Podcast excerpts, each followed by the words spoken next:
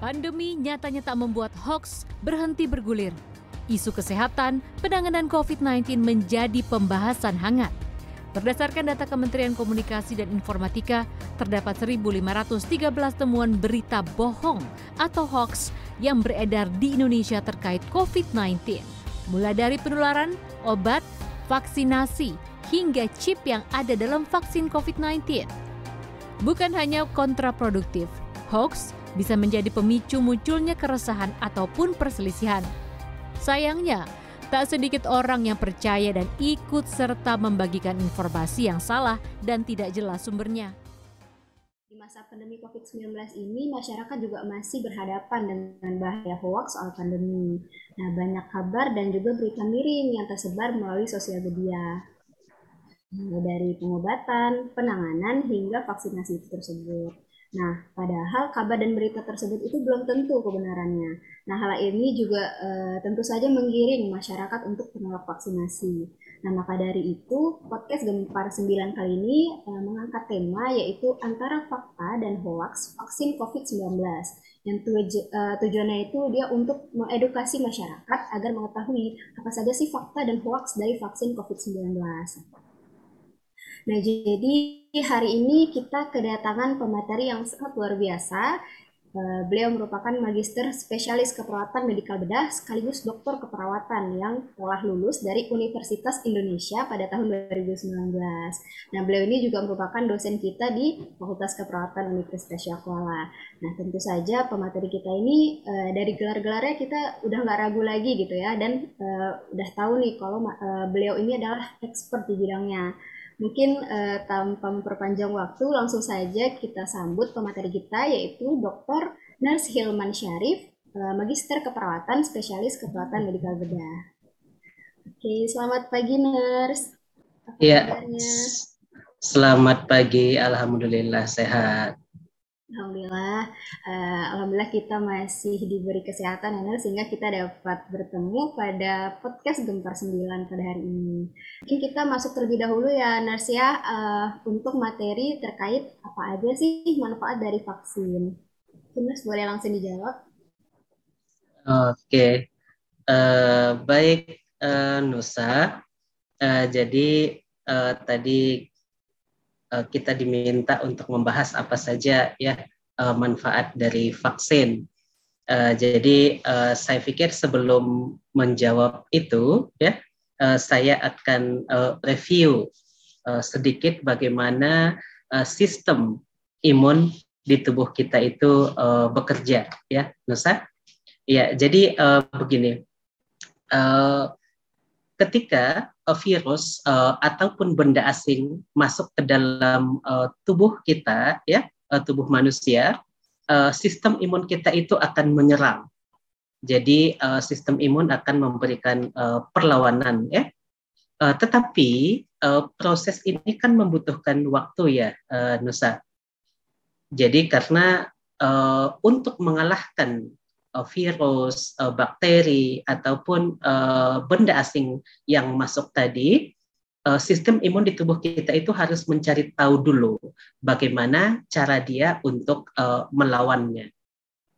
Jadi nanti setelah sistem imun ini berhasil untuk menghabisi benda asing atau virus yang dimaksud, maka mereka itu akan mengingat bagaimana mereka mengalahkan benda asing yang uh, dimaksud gitu.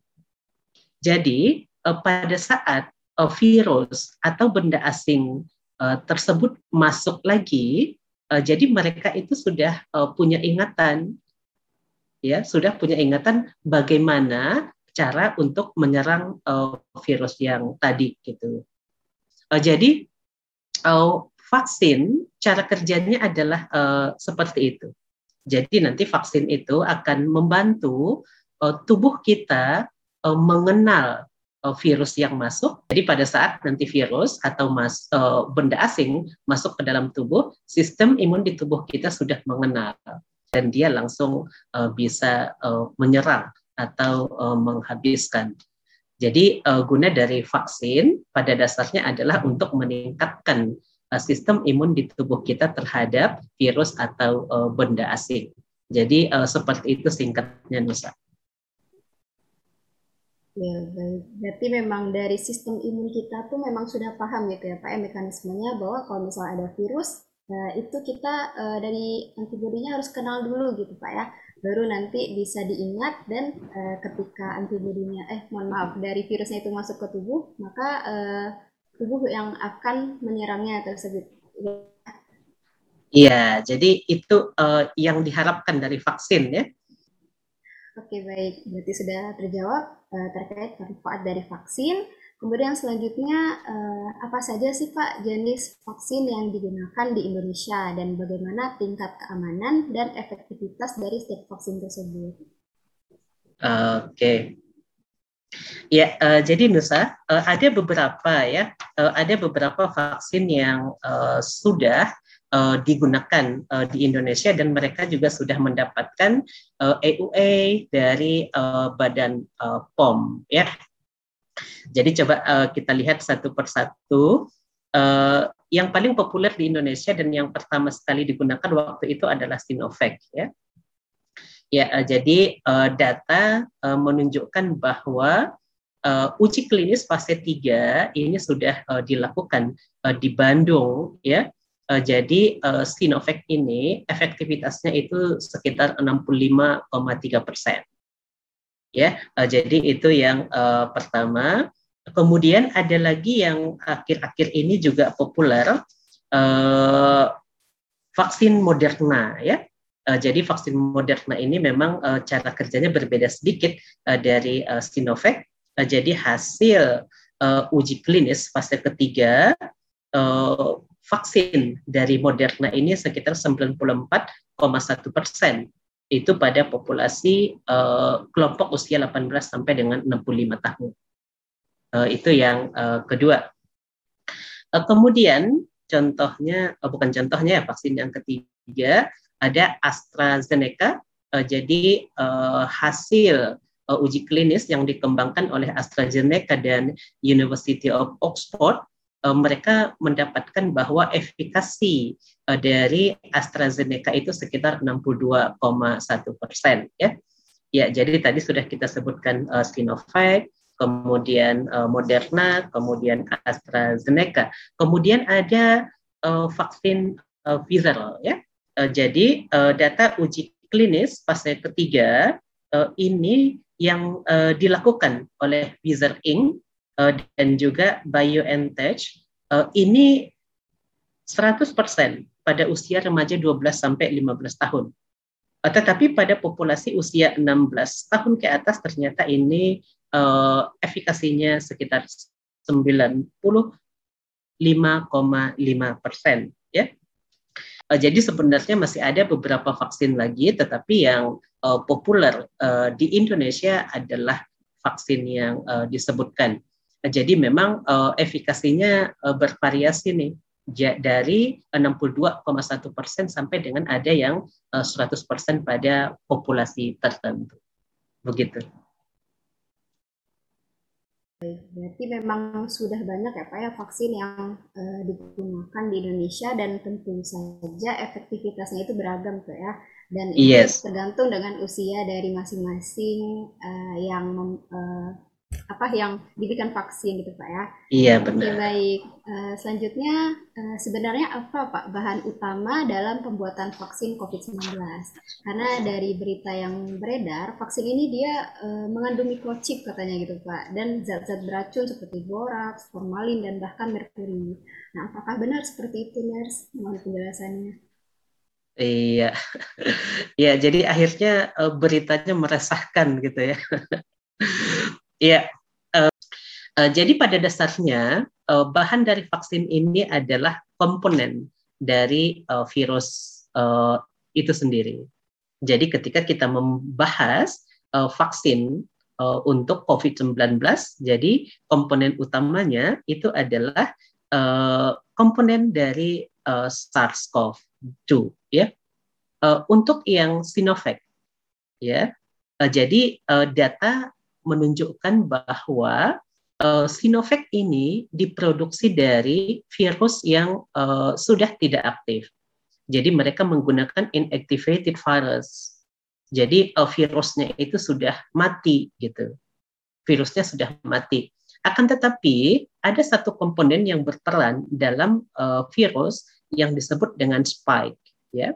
Jadi spike ini adalah uh, jenis uh, protein ya. Uh, jadi meskipun virusnya mati, spike-nya itu masih uh, utuh.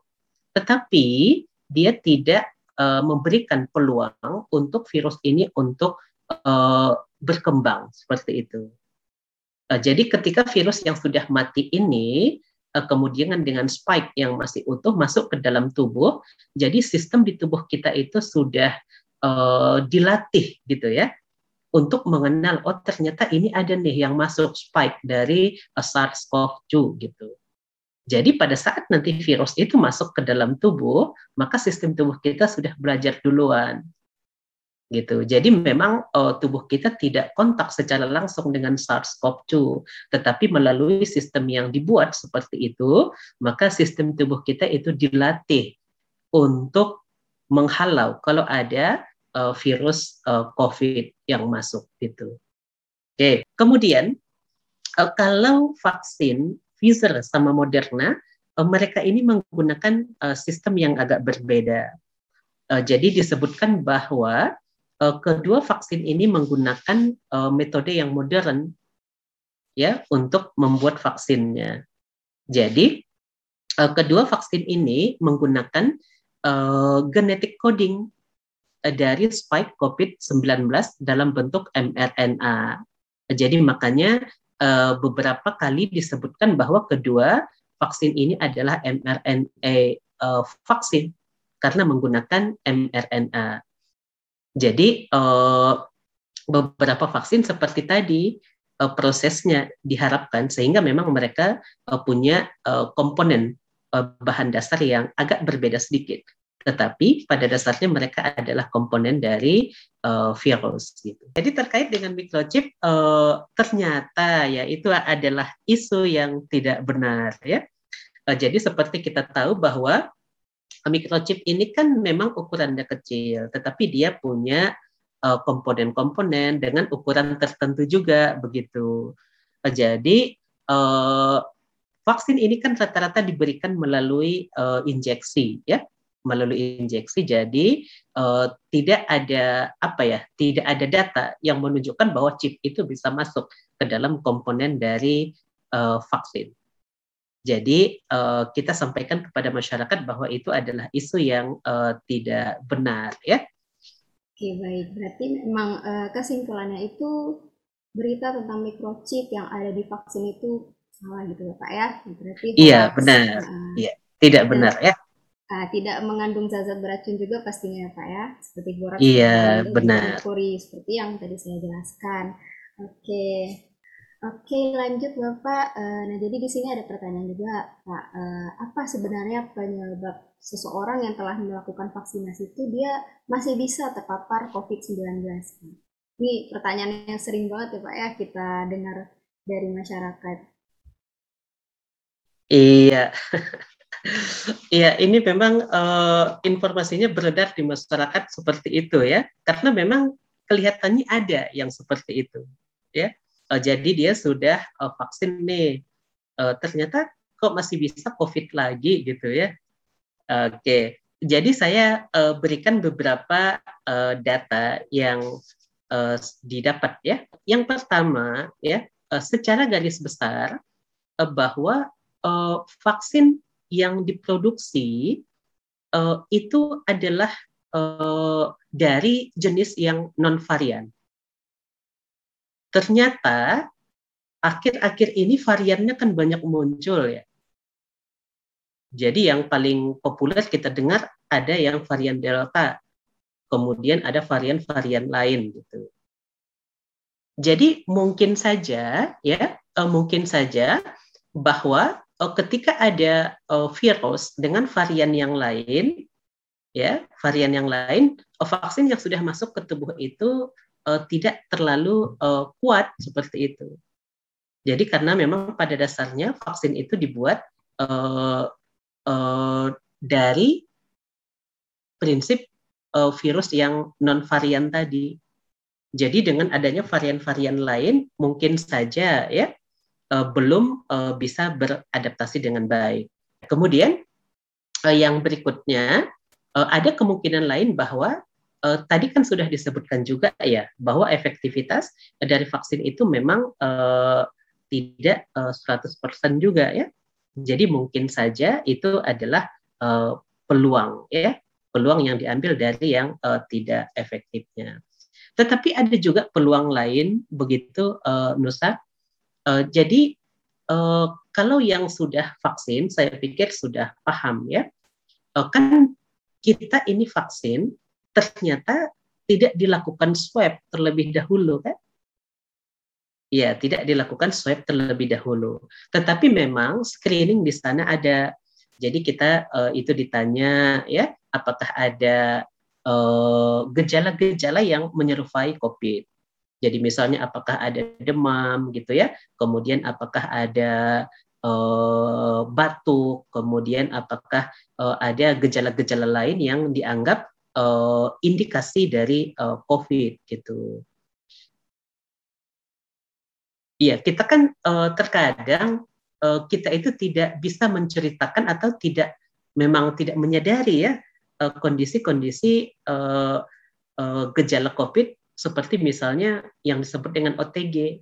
OTG itu kan tanpa gejala, tetapi virusnya sudah ada ya.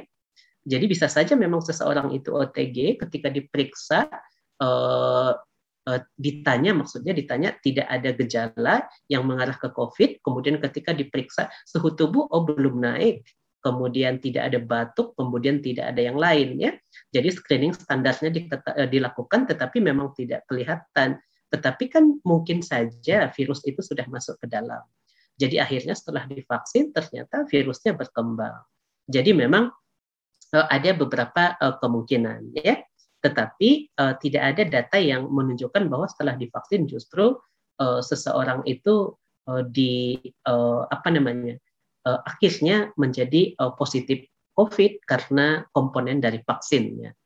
Jadi uh, ada beberapa uh, kemungkinan seperti uh, saya sebutkan tadi, Nusa.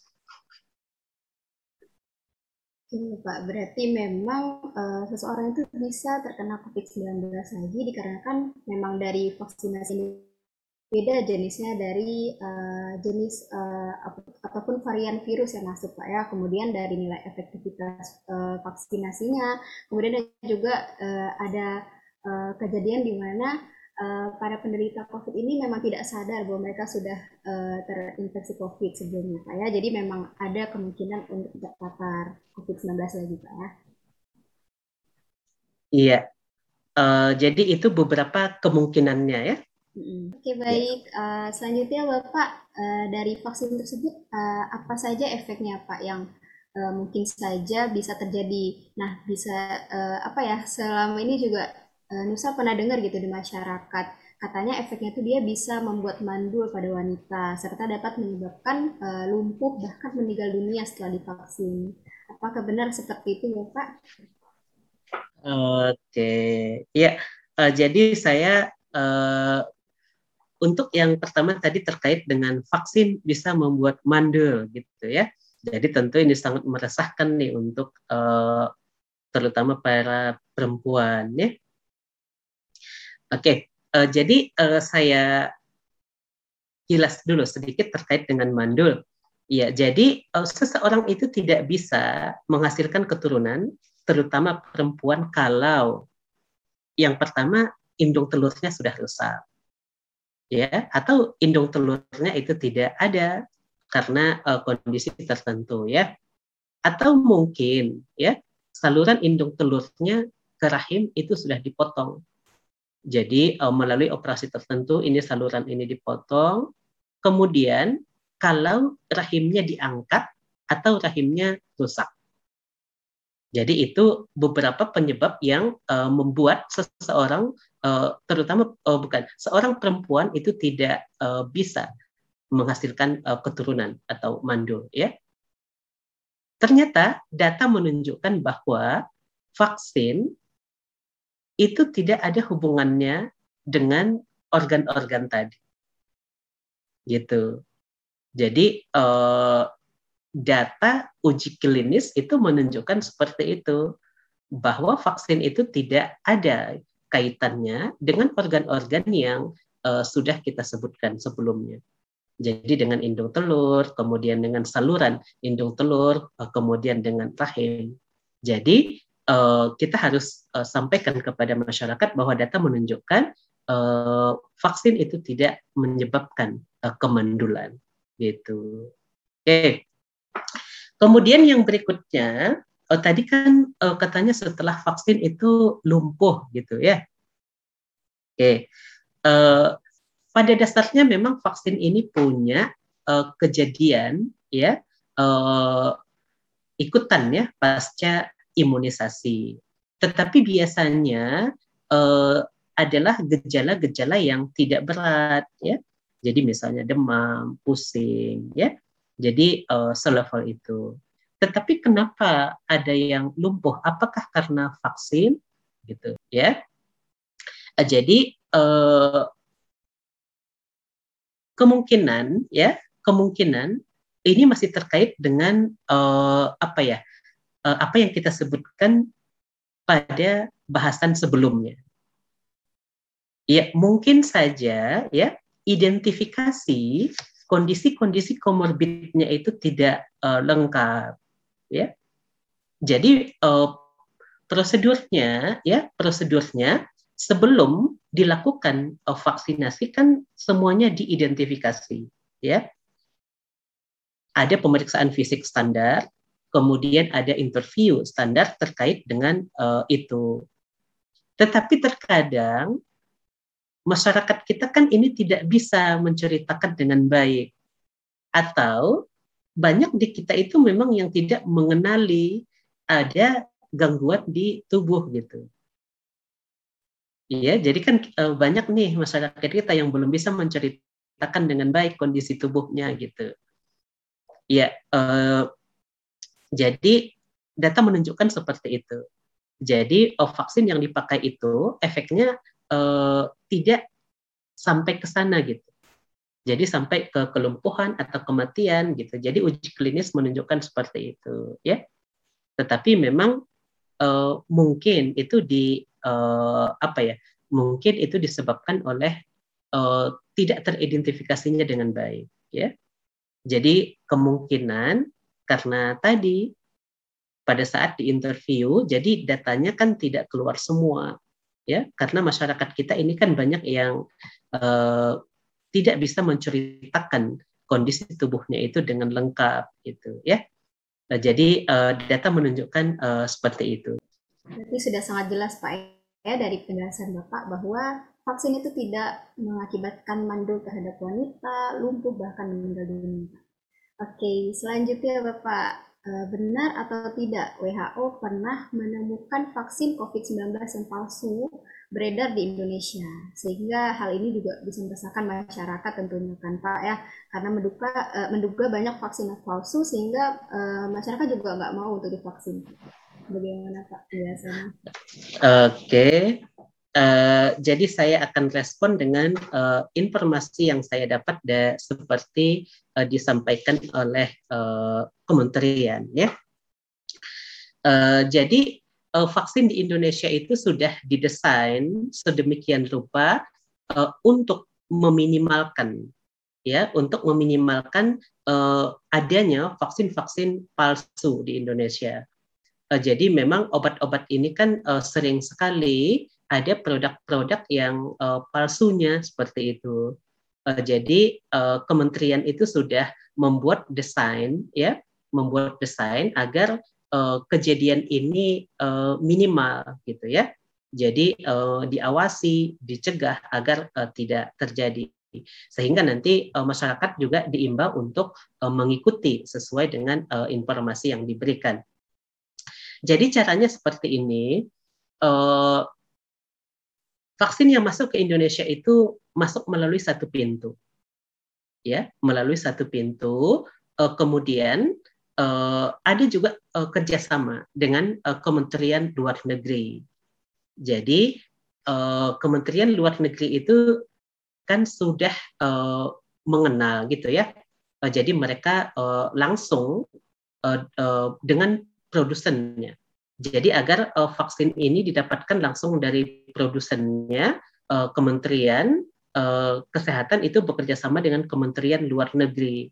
Jadi itu upaya untuk meminimalkan agar vaksin yang masuk itu bukan uh, vaksin yang uh, palsu ya. Uh, kemudian uh, vaksin yang masuk itu seharusnya uh, punya barcode resmi ya. Jadi karena tadi dia masuknya satu pintu, jadi memang uh, barcode-barcode ini sudah terregistrasi. Jadi ketika nanti tidak sesuai dengan barcode yang terregistrasi berarti uh, uh, bisa ditindaklanjuti kan seperti itu. Uh, jadi upayanya memang uh, sangat uh, ketat untuk uh, membuat agar uh, vaksin palsu ini tidak uh, ada gitu. Jadi salah satunya tadi dengan registrasi barcode, kemudian bahwa vaksin yang masuk ke Indonesia itu masuk dalam satu pintu. Kemudian kerjasama dengan Kementerian Luar Negeri agar bisa uh, ketemu langsung atau kontak langsung dengan produsennya. Jadi memungkinkan untuk uh, tidak uh, ada yang palsu. Kemudian uh, kepada masyarakat juga memang harus dihimbau ya uh, sebaiknya uh, mengakses vaksin itu pada tempat-tempat yang resmi ya jadi tidak uh, membeli vaksin misalnya pada uh, yang dianggap sebagai uh, black market begitu. Ya jadi uh, mereka mengakses vaksin itu pada tempat-tempat uh, yang sudah uh, resmi gitu. Jadi kan beberapa tempat resmi itu sekarang uh, dipublikasikan ya. Jadi masing-masing pemerintah daerah itu punya lokasi resmi untuk vaksin, kemudian uh, institusi-institusi mereka punya lokasi resmi untuk vaksin. Jadi sebaiknya masyarakat itu mengakses vaksin itu pada uh, tempat yang uh, resmi gitu. Jadi uh, seperti itu kira-kira Nusa. Jadi dari prosesnya itu memang sudah dikawal ya melalui uh, sistem satu pintu, kemudian kerjasama dengan luar negeri, kemudian registrasi barcode, kemudian adanya tempat-tempat uh, resmi untuk uh, dilakukan uh, vaksinasi. Berarti sudah jelas Pak ya bahwa pemerintah sudah memberikan upaya gitu untuk minimalisir bahwa vaksin palsu itu tidak uh, akan um, masuk ke Indonesia gitu. Nah, uh, tentunya dari masyarakat juga harus pandai gitu Pak ya memilih tempat uh, vaksinasi yang memang resmi tempatnya ya. Oke baik, uh, tidak terasa Pak kita sudah uh, memasuki uh, yang terakhir Pak, yaitu yeah. gimana nih tips supaya uh, kita bisa menghindari diri dan juga kita bisa uh, mencegah uh, orang-orang di sekitar kita itu menerima berita hoax. Baik, ya.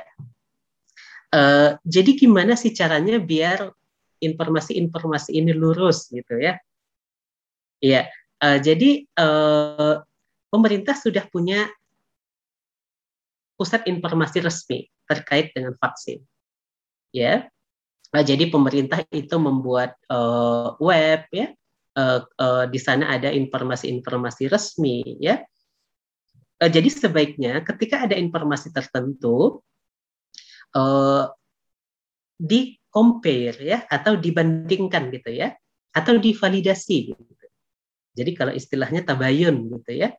Jadi informasi-informasi ini dibandingkan dengan informasi resmi yang diberikan oleh pemerintah. Jadi sebaiknya ketika mendapatkan informasi tertentu eh, jangan disebarkan dulu ya, jangan disebarkan dulu sebelum informasi ini di uh, apa ya dipastikan benar gitu. Jadi terkadang kan kita ini juga uh, latah gitu ya, apalagi di uh, misalnya di grup-grup yang uh, isinya adalah orang uh, sekitar kita. Jadi ketika ada informasi di sana langsung share. Nanti uh, dia juga punya peluang untuk menyebarkan lagi ke orang lain gitu. Jadi sebaiknya ketika ada informasi-informasi uh, terkait dengan vaksin yang didengar, uh, sebaiknya membandingkan dulu dengan informasi resmi yang dikeluarkan oleh pemerintah. Kita juga bisa mengakses informasi yang benar dari eh, para ahli yang sudah uh, membahas, uh, yang sudah mempelajari vaksin dengan baik. Ya, jadi di webnya Kementerian Kesehatan ya, di situ ada banyak informasi-informasi. Jadi uh, sebaiknya uh, membandingkan atau memvalidasi dengan sumber informasi yang resmi gitu. Ya, saya pikir uh, seperti itu. Iya, Pak. Oke, baik, Pak. Um, sudah sangat jelas tips yang sudah diberikan uh, oleh Nurse Hilman. Uh, semoga teman-teman bisa menyerap informasi yang sudah diberikan ya. Baik. Terima kasih Bapak, uh, sangat bermanfaat uh, materi yang telah Bapak sampaikan. Dan Alhamdulillah juga kita sudah selesai Bapak membahas terkait fakta dan juga hoax COVID-19 pada podcast Gemar 9 hari ini. Nah, harapannya dengan dibuatnya podcast ini, teman-teman audiens uh, dapat memfilter informasi sebaik mungkin, sehingga kita terhindar dari berita hoax, terutama terkait COVID-19. Nah, mungkin um, cukup sekian uh, podcast Gemar 9 kita pada hari ini, Bapak. Terima kasih atas uh, luang waktunya yang uh, mungkin Bapak sedang sibuk-sibuknya, tapi bisa meluangkan waktu untuk mengisi uh, menjadi pemateri podcast Gempar 9 pada hari ini. Uh, Terima kasih Bapak. Iya, sama-sama. Kita bertemu di lain waktu, Pak ya. Amin, amin. Sukses. Assalamualaikum warahmatullahi wabarakatuh. Waalaikumsalam warahmatullahi wabarakatuh.